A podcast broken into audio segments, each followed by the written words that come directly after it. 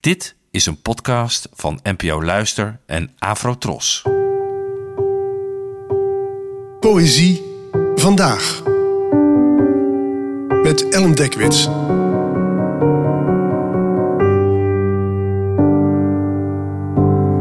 Hallo, fijn dat je luistert.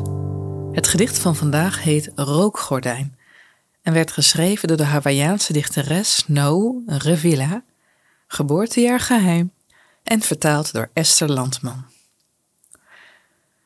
Rookgordijn. Opgedragen aan iedere hardwerkende vader die ooit werkte voor de Hawaïaanse commerciële suikercompagnie en in het bijzonder de mijne. Was hij een groene jas en een godvrezend man. Tijdens het werk was hij bloed doorlopen. Verbond metaal met zijn dikke handschoenen in het echt deed zijn eigen vader recht, die ook een roker was. Geen wc-pauzes, geen helmen, geen veiligheidsvoorschriften. Hij floot suikerriet door zijn nek, door zijn ongeventileerde vrouw, zijn dochters van chronisch zwarte as. Dit is hoe een brandrooster eruit ziet. En wanneer hij geloven in God zag als een ziekte van de luchtwegen, dan was hij als zijn vader. Hij trouwde met metaal om een gezin te stichten. Thuis rookte hij, voordat hij ging slapen in de hoek met de deur op een kier, de sigaret, balancerend als een eerstgeborene, fatsoenlijk, gerepeteerd, gordijnen gesloten, de slaapkamer gemedicineerd. Hij was altijd in iets aan het branden, deels donker, deels pupillen. Volgens mijn vader bracht je je nacht het best alleen door, wanneer hij de wereld kon doorzien en vergeven. Dit vind ik een zowel helder als toch ingewikkeld gedicht.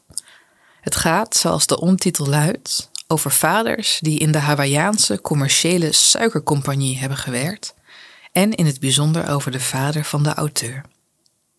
Het werk is hard en gevaarlijk. Er zijn geen helmen en de lucht is er onzuiver. Niet alleen op het werk, maar ook door de sigaretten die de vader rookt uit stress. De vader werkt in deze barre omstandigheden om zich een gezin te kunnen permitteren. En tegelijkertijd heeft deze baan ook zijn weerslag op de familie. Zijn dochters zijn van as zijn vrouw ongeventileerd. Helemaal heilzaam is het voor hen dus niet. En ook niet voor de vader zelf, die, zo staat er, altijd in iets aan het branden is. Hij houdt de deur op een kier. En door de regels eromheen is het onduidelijk of het hier een letterlijke of een figuurlijke deur betreft. Is het een deur naar zijn thuis of gezin, of toch naar zijn hart? Hoe dan ook, hij staat niet helemaal open. En tenslotte blijkt dat zijn baan ketens van ellende veroorzaakt. Onder barre omstandigheden werken, schade oplopen, waardoor je er toch niet helemaal kan zijn voor je geliefden. Alleen s'nachts en in zijn eentje snapt de vader de wereld.